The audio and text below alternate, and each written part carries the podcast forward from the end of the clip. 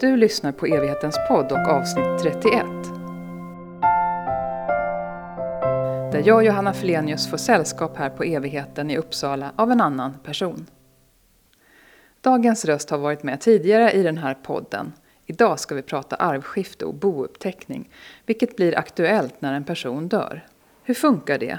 Hur lång tid har man på sig att greja med det? Måste man anlita en jurist? Hur kan man göra när anhöriga är oeniga om vad som ska hända med det en människa lämnar efter sig? Välkommen tillbaka blivande advokaten Daniel Blomqvist. Tack. Du är biträdande jurist anställd vid din advokat och familjerätt är ett av dina specialområden eller det där du känner dig mest hemma och trygg. När en person dör, vad händer rent juridiskt då? Det första egentligen som händer som de anhöriga behöver hantera, förutom nu det uppenbara andra då, men om man tittar på juridiken så är det en bouppteckning som behöver göras. Och det är då, allting mynnar ut i ett dokument där det finns en sammanställning över den avlidnes tillgångar och skulder. Det finns en sammanställning över vilka som är dödsbodelägare och eventuella testamentstagare. Så det är en, en behörighetshandling då som visar hur dödsboet ser ut och vem som har rätt att företräda det. Är det så att, att personen var gift så ska man också ta reda på vad eh, den efterlevande maken eller makan hade i tillgångar också. Eftersom det kan ha betydelse nu vid dödsfallet. På vad sätt kan det ha betydelse? Det kan ju finnas situationer där man gör eh, bodelning av egendomen. Det är väl utgångsläget, så att säga, eller huvudregeln att man gör en bodelning där båda makarnas tillgångar räknas med. Och sen är ofta det här dokumentet, det kan vara det enda dokumentet som finns kvar också eh, när den sista går bort så att säga i ett par. Du pratar här om bouppteckning, men jag har också hört ordet boutredning. Eh, är det samma sak eller? Nej, det får man nog skilja på lite. För boutredningen är själva, själva delen när man, eh, ja, som det heter, man reder ut boet. Man tar reda på vad eh, finns det för någonting? Vad behöver göras? Det kan vara att det finns en fastighet, företag som behöver skötas under tiden. Ja, se till att fastigheter är försäkrade och annat eh, behöver man ju göra om man behöver ta reda på information, till exempel värdera ett företag. Det vet man kanske inte när personen går bort utan det är en del av utredningen. Personen kanske hade tillgångar i ett annat land, det behöver man reda ut. Inhämta uppgifter från svenska banker eller fastighetsregister eller annat, eller bostadsrätt eller vad det kan vara. Det är boutredningen. Och i vilken så, ordning görs det här? Ja, det är ju egentligen först då. Alltså man måste göra en boutredning för att veta vad som ska finnas i bouppteckningen. Så rent praktiskt brukar det gå till så att man tar ett, ett första möte med en eller flera ur dödsboet och sen så får man reda på information. Sen så beställer jag, om, om jag ska göra det så beställer jag information eller så tar de reda på information åt mig. Du pratar om dödsbodelägare. Vilka, eller vem är det vanligen? Det finns ju fastslaget hur arvsordningen ser ut. Så att om man tänker att en person med barn avlider så är det barnen som är närmast arvingar. Är man gift så, och har gemensamma barn då är det maken som är arvtagare då och dödsbodelägare tillsammans med barnen. Finns det testamente så kan den vara dödsbodelägare. Är det så att man inte har barn och har föräldrarna i livet då är de dödsbodelägare. Är föräldrarna borta men det finns syskon så är det syskonen och så vidare. Men det stannar då vid kusiner, de är inte arvsberättigade. Så det får inte vara kusiner eller längre bort? Nej, det får inte vara längre bort för då blir det Allmänna arvsfonden som blir dödsbodelägare. Det är eh, alltså statens fond dit arv som inte har någon, någon mottagare enligt arvsordningen går. Och hos Allmänna arvsfonden kan man väl söka pengar? Man kan söka pengar, de gör mycket gott med sina pengar. Det går till folk som behöver det helt enkelt. Det här med en bouppteckning, klarar en vanlig människa utan högskoleutbildning av att göra en sån? Det kan man nog göra. Men samtidigt så ibland så kan man inte göra det. Så det är jättesvårt att säga ett generellt svar på det. För det är många som gör det själv. Jag vet inte vad statistiken är på det. Men är det krångligheter där man inte vill göra det själv helt enkelt så kan man ju anlita en jurist som gör det åt en. Kan man kontakta Skatteverket och be om hjälp? Ja, det kan man. Mm -hmm. Man eh, kan ringa dem för att få stöd och support. De har en jätteomfattande handledningsdokument som ligger också på deras hemsida. Som heter Handledning i bouppteckningsärenden. Så, så det är bra att gå in på Skatteverkets hemsida? Om man ska göra det själv så är det definitivt det. Vad ska ingå då i en bouppteckning? Det är egentligen allt man känner till om den avlidnes tillgångar och skulder. Det enklaste är ju oftast släktutredningen, alltså vilka som är dödsbodelägare. Sen är värdering av tillgångar och skulder kan ju vara svårt i vissa lägen men det är det som, som tar oftast mest tid. Då. Mm, nu sa du ett ord här, släktutredning. Ja, man behöver ju veta hur det ser ut om inte den som kontaktar mig till exempel vet. Den avlidne kanske inte hade några barn eller eventuellt hade några barn och man behöver ha sådana här gamla bouppteckningar och, och spåra hur det egentligen ser ut. Då. Men det gör väl Skatteverket? Ja, den släktutredning man får därifrån det är ju vad som finns i folkbokföringsregistret. Men det är ju inte så att den är heltäckande. De har, jag tror det är före 2001, så har de inte bouppteckningar längre elektroniskt lagrade utan då får man beställa dem från landsarkivet. Ett arkiv där bouppteckningar samlas i gamla böcker och så går någon och bläddrar och kopierar och mejlar. Och hur lång tid brukar det ta att få en sån? Det kan ta ganska länge. Jag har någon som jag väntar på nu som har tagit tre eller fyra veckor tror jag. Jag tror inte det rör sig om månader, det har jag nog inte varit med om. Och själva bouppteckningen, hur lång tid har man på sig att göra en sån efter ett dödsfall? Det är ju tre månader in efter dödsfallet som man ska hålla förrättningen då. Sen har man en månad till efter förrättningen är gjord för att justera den och, och, komplettera den. Skulle det nu vara så att man inte hinner på den tiden så kan man begära anstånd hos Skatteverket. Och hur lätt eller svårt är det att få det? Det brukar inte vara något problem. För dig som jurist, eh, hur många timmar brukar det kunna ta att göra en bouppteckning? Ja, det brukar ofta komma den frågan. Jag brukar säga att en normal enkel bouppteckning, ungefär 3-4 timmar i arbetstid. Eftersom jag har gjort så väldigt många bouppteckningar så vet jag på ett ungefär, om inget oförutsett inträffar så vet jag att det, det här är rimligt. Så du kan se så här, det här är ett komplicerat fall? Ja. Vad krävs för att en bouppteckning ska gälla så att säga? När den är klar så att säga, dokumentet ligger framför oss, då ska bouppgivaren skriva på den person ur dödsboet då, alltså den som har försett oss med, med information. Den personen skriver på den och sen skriver jag och min kollega på den också som gode män då för just den här bouppteckningen, att den är korrekt utförd. Och sen efter det kan vi skicka in den till Skatteverket. Och om man gör det här själv då? Alltså inte anlitat någon jurist, vem behöver signera då? Då får det inte vara någon som är inblandad i dödsboet. Utan det måste vara någon utomstående som skriver på som förrättningsman. Och den personen skriver ju på att den är korrekt gjord och värderad på ett riktigt sätt. Så det är ju ett eh, stort ansvar som man ska ju vara medveten om vad man skriver på också. Sen är det dags för arvskifte. Vad är det för något? Arvskifte är oftast den delen som är komplicerad i sådana här ärenden. För att det, bouppteckning är ofta någonting som, som klienter upplever som väldigt komplicerat. Det är den svåra delen i, i att avveckla ett dödsbo. På vad sätt brukar man kunna tycka det? Ja, det känns ofta, eller jag upplever att folk uttrycker det som att det här är jobbigt, det här är svårt. Och det kan det vara i vissa fall. Men det är ju en ögonblicksbild av hur det såg ut den dagen personen gick bort.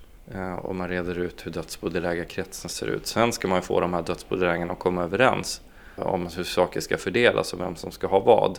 Och det är ju där man ofta hamnar i arvstvister då. Och där kan det ju bli väldigt komplicerat och, och, och tidskrävande. Men ett arvskifte är ett avtal mellan dödsbodelägarna om hur kvarlåtenskapen ska fördelas. Det ska ju helst vara skriftligt då, men många gör det också genom att bara gå in och flytta över pengar på banken. Men ett arvskiftesavtal är ju någonting som finns kvar då och skulle det ifrågasättas någon gång i framtiden så finns ju det här avtalet att falla tillbaks på.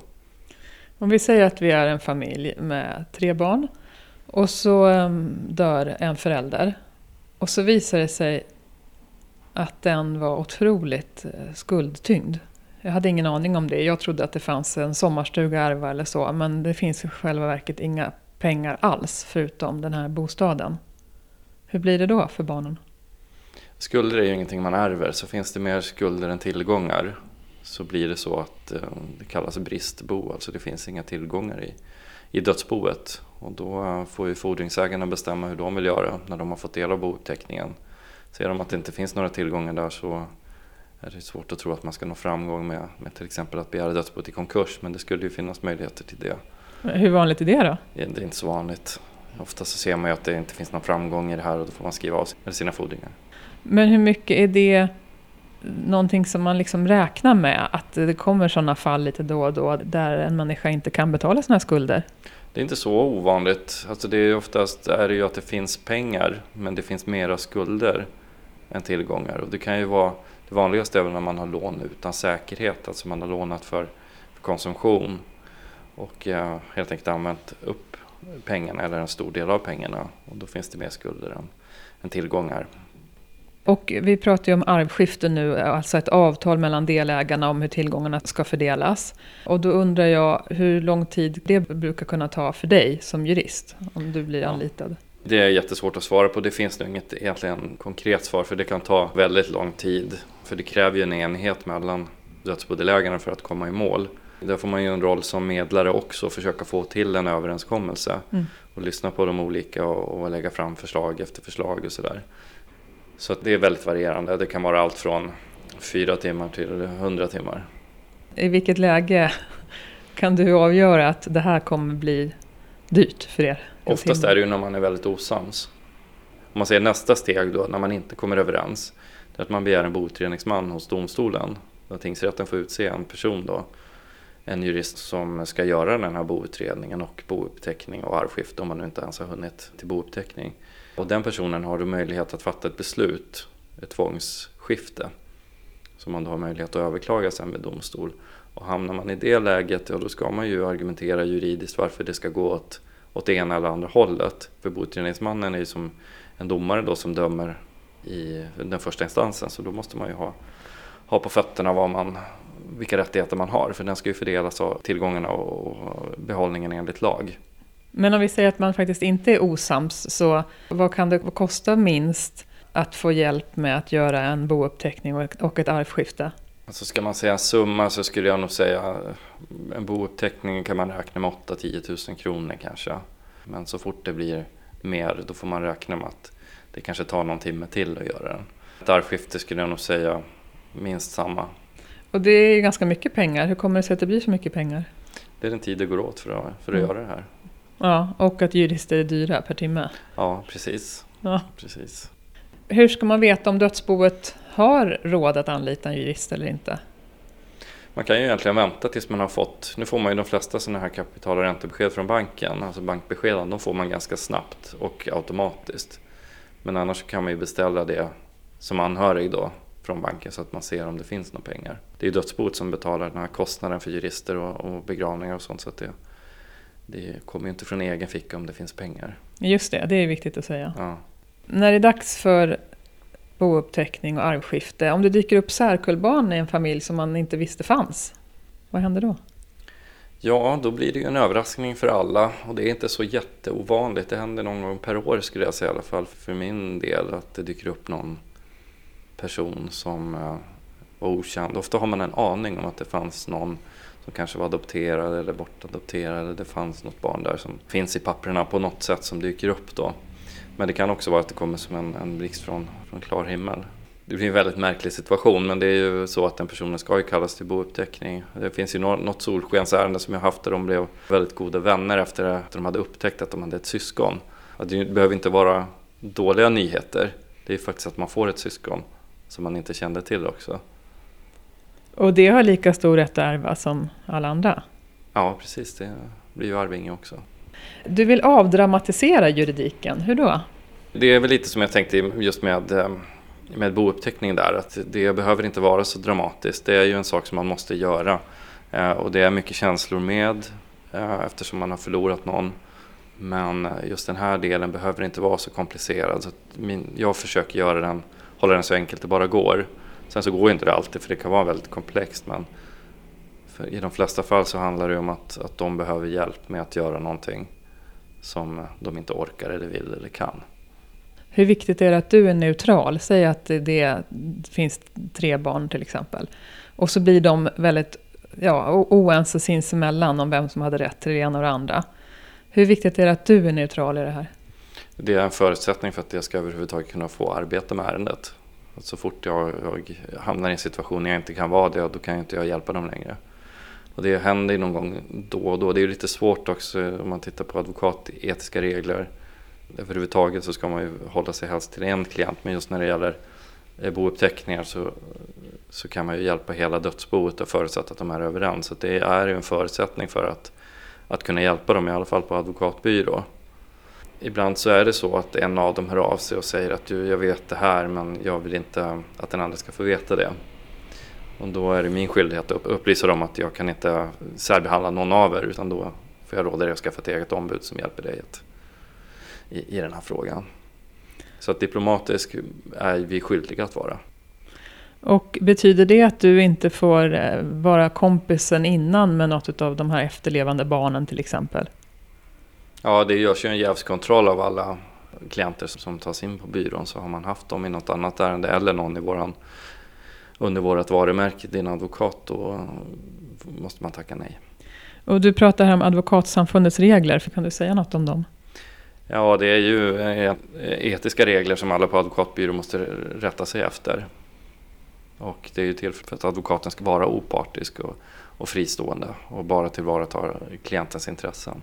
Och det får aldrig rubbas.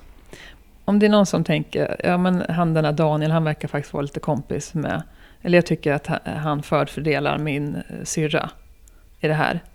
Krävs det att jag anmäler dig då för att det här ska bli en, en fråga?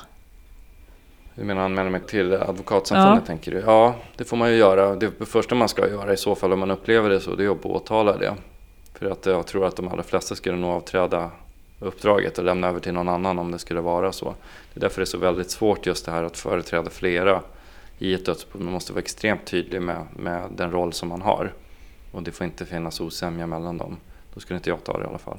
Har du varit med om det någon gång? Ja. Det kan vara att, att man blir kontaktad av en person och säger vi behöver hjälp i bouppteckning. Vi är inte så jättebra kompisar med varandra. Eh, om jag behöver hjälp med det. Och då brukar jag stoppa dem ganska tidigt där och säga innan du nu berättar något mer så måste vi bestämma vad, vad jag ska vara i förhållande till dig då. Om jag ska vara, hjälpa er med att göra bouppteckningen och ni kan komma överens om det eller om jag ska företräda dig i bouppteckningen. Mm -hmm. Så att det blir tydligt tidigt att... Ja, vilken roll jag ska ha. Det, det är en förutsättning. Men så fort det är, det är tvistigt eller att det är något sånt där, då ska man ju ha ombud istället för en som är ombud för alla. Men om vi tänker liksom lite på psykologin runt det här när man har förlorat kanske en älskad anhörig. Hur vanligt skulle du säga att det är att det blir tvister när det kommer till bouppteckning och arvskifte? Ja, det är ju lite svårt att svara på eftersom jag jobbar ju med det. Så det är klart att det är vanligt att jag ser det. Ja, det händer ju. Men vad skulle du önska av oss människor i den situationen? Nej, men alltså, så, så, här tror jag att det är. Att ibland hamnar man i tvister och, och det kan vara berättigade tvister också. Att man har blivit förfördelad eller att man har förfördelat någon och, och man har gjort någonting som, som den andra inte kan acceptera. Och då har man ju en tvist för det handlar ju om att tycka olika i en fråga. Sen vem som har reglerna på sin sida eller bevisningen på sin sida, det får man ju reda ut. Jag lägger nog ingen värdering så. Utan det är inte min roll att vara någon åsiktsmaskin där och vad som är rätt eller fel. Utan jag får ju titta hur reglerna ser ut och hur situationen ser ut och vad, vad kan vi göra för, för klienten. Alltså, jag vet att sånt här kan dra ut på tiden. Jag vet en familj där det fanns barn och en ny partner. Alltså de var sambos och så dog mannen. Och den här nya partnern, en kvinna och eh, mannens barn, kom inte överens alls om några tavlor eller vad det var. En, en del av kvarlåtenskapen. Och det där höll på jättelänge, i flera år tror jag. Hur kan det vara möjligt att det kan få dra ut så mycket på tiden? Där är ett problem att, att processerna kan bli väldigt långa och det kan ju vara personer som sitter i ett sånt läge att de drabbas väldigt hårt av att den här tvisten inte är löst om det nu är en fastighet som man, man bor kvar i och får betala allting till. Att man sitter i en, en jobbig situation där, att det finns egendom som, som är en belastning. Då finns det ju, alternativet är ju boutredningsman då, som jag sa, som ska reda ut den här tvisten och, och ofta tar det ett år att få ett beslut därifrån. Och det är för att man sätter igång processen och sen ska man få yttra sig hit och dit. Boutredningsmannen ska utreda och, och förvalta dödsboet. Och sen kanske man inte är nöjd med beslutet som till slut kommer och så överklagar man det till tingsrätten och då tar det ett år till. Eller mer att få det prövat där. Det kostar rätt mycket pengar och tar väldigt lång tid innan man är i mål. Så det finns ju incitament för att försöka komma överens men man ska ha full respekt för att det inte går i alla lägen utan då måste man göra på det här sättet. Men vad tänker du att det gör med människor att leva i sån ovisshet, ibland kanske i flera år? Ja, det måste vara väldigt jobbigt. Säg att vi har en familj med särkullbarn, alltså barn utanför äktenskapet, som en, till exempel en kvinna var i när hon lämnade jordelivet. Eh, hur får den veta att mamman är död om de inte haft någon kontakt? Den personen, särkullbarnet då, kommer ju att kallas till bouppteckningen efter mamman. Och är det så att, att eh, äh, särkullbarnet inte har kallats, då kommer inte bouppteckningen att registreras. Då, får man be, då begär de komplettering att man får hålla en ny bouppteckningsförrättning där särkullbarnet kallas också. Så det går inte att få igenom den. Sen så ska man ju inte säga aldrig då för att jag hade en eh, för någon vecka sedan där mamma gick bort, pappan hade kryssat i att alla var närvarande fast de aldrig hade varit där och sen gått över till några grannar och fått den påskriven som, som gode man och den hade ju gått igenom och blivit registrerad. Så det är klart att det, det förekommer ju. Och hur kom du på det här? De sa det. Sen jag var inte med vid någon bouppteckning sa barnen. Det har jag aldrig sett förut, det här dokumentet. Men måste man komma på ett sånt där bouppteckningsmöte? Man måste inte komma, men man ska i alla fall ha haft möjlighet att komma. Så att man ska ha fått en, en kallelse till det här. Mm. Och är det då man får veta om min förälder var superrik eller väldigt skuldtyngd? Det stämmer, ja. Så att man behöver aldrig ta något beslut kring ett eventuellt arvskifte innan man vet hur det var med den saken? Nej, det är väl klokt att veta vad man bestämmer sig för, eller vad det är man bestämmer om. Kan du ge något exempel på ett fall där det blev någon slags juridisk försoning genom en förlikning till exempel? Det är ganska vanligt i just ekonomisk familjerätt att man hittar en förlikning. Just det här med tiden, att det tar så länge att få en tvist prövad och att det kostar väldigt mycket pengar som man annars får. För det är det det ofta handlar om, att man eh, betalar väldigt mycket till jurist. Man ska ha varsin, varsitt ombud och så ska man ha en boutredningsman så det tickar på tre juristtimmar för varje sak man gör. Så blir det väldigt mycket pengar totalt. Så det finns ju ett incitament och sen verkar ju också alla, alla boutredningsmän och alla domstolar för att man ska förlikas. Så det finns ju många etapper på vägen där man har möjlighet att närma sig varandra.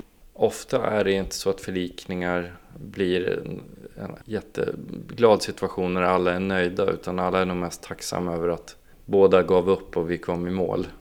Så att, att det blir någon sån här lyckoscener, det, det har inte jag varit med om. I alla fall, sen tror jag alla är väldigt nöjda och klar med mer än. För någon har ju backat och någon har gett med sig så att man har hittat en, en lösning oftast.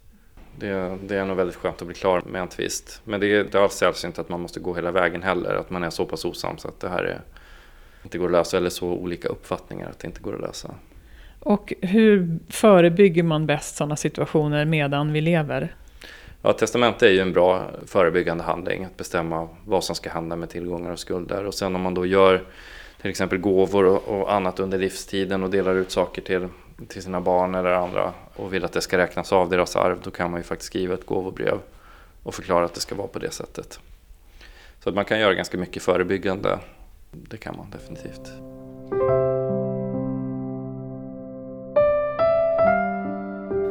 Det berättar Daniel Blomqvist här i evighetens podd.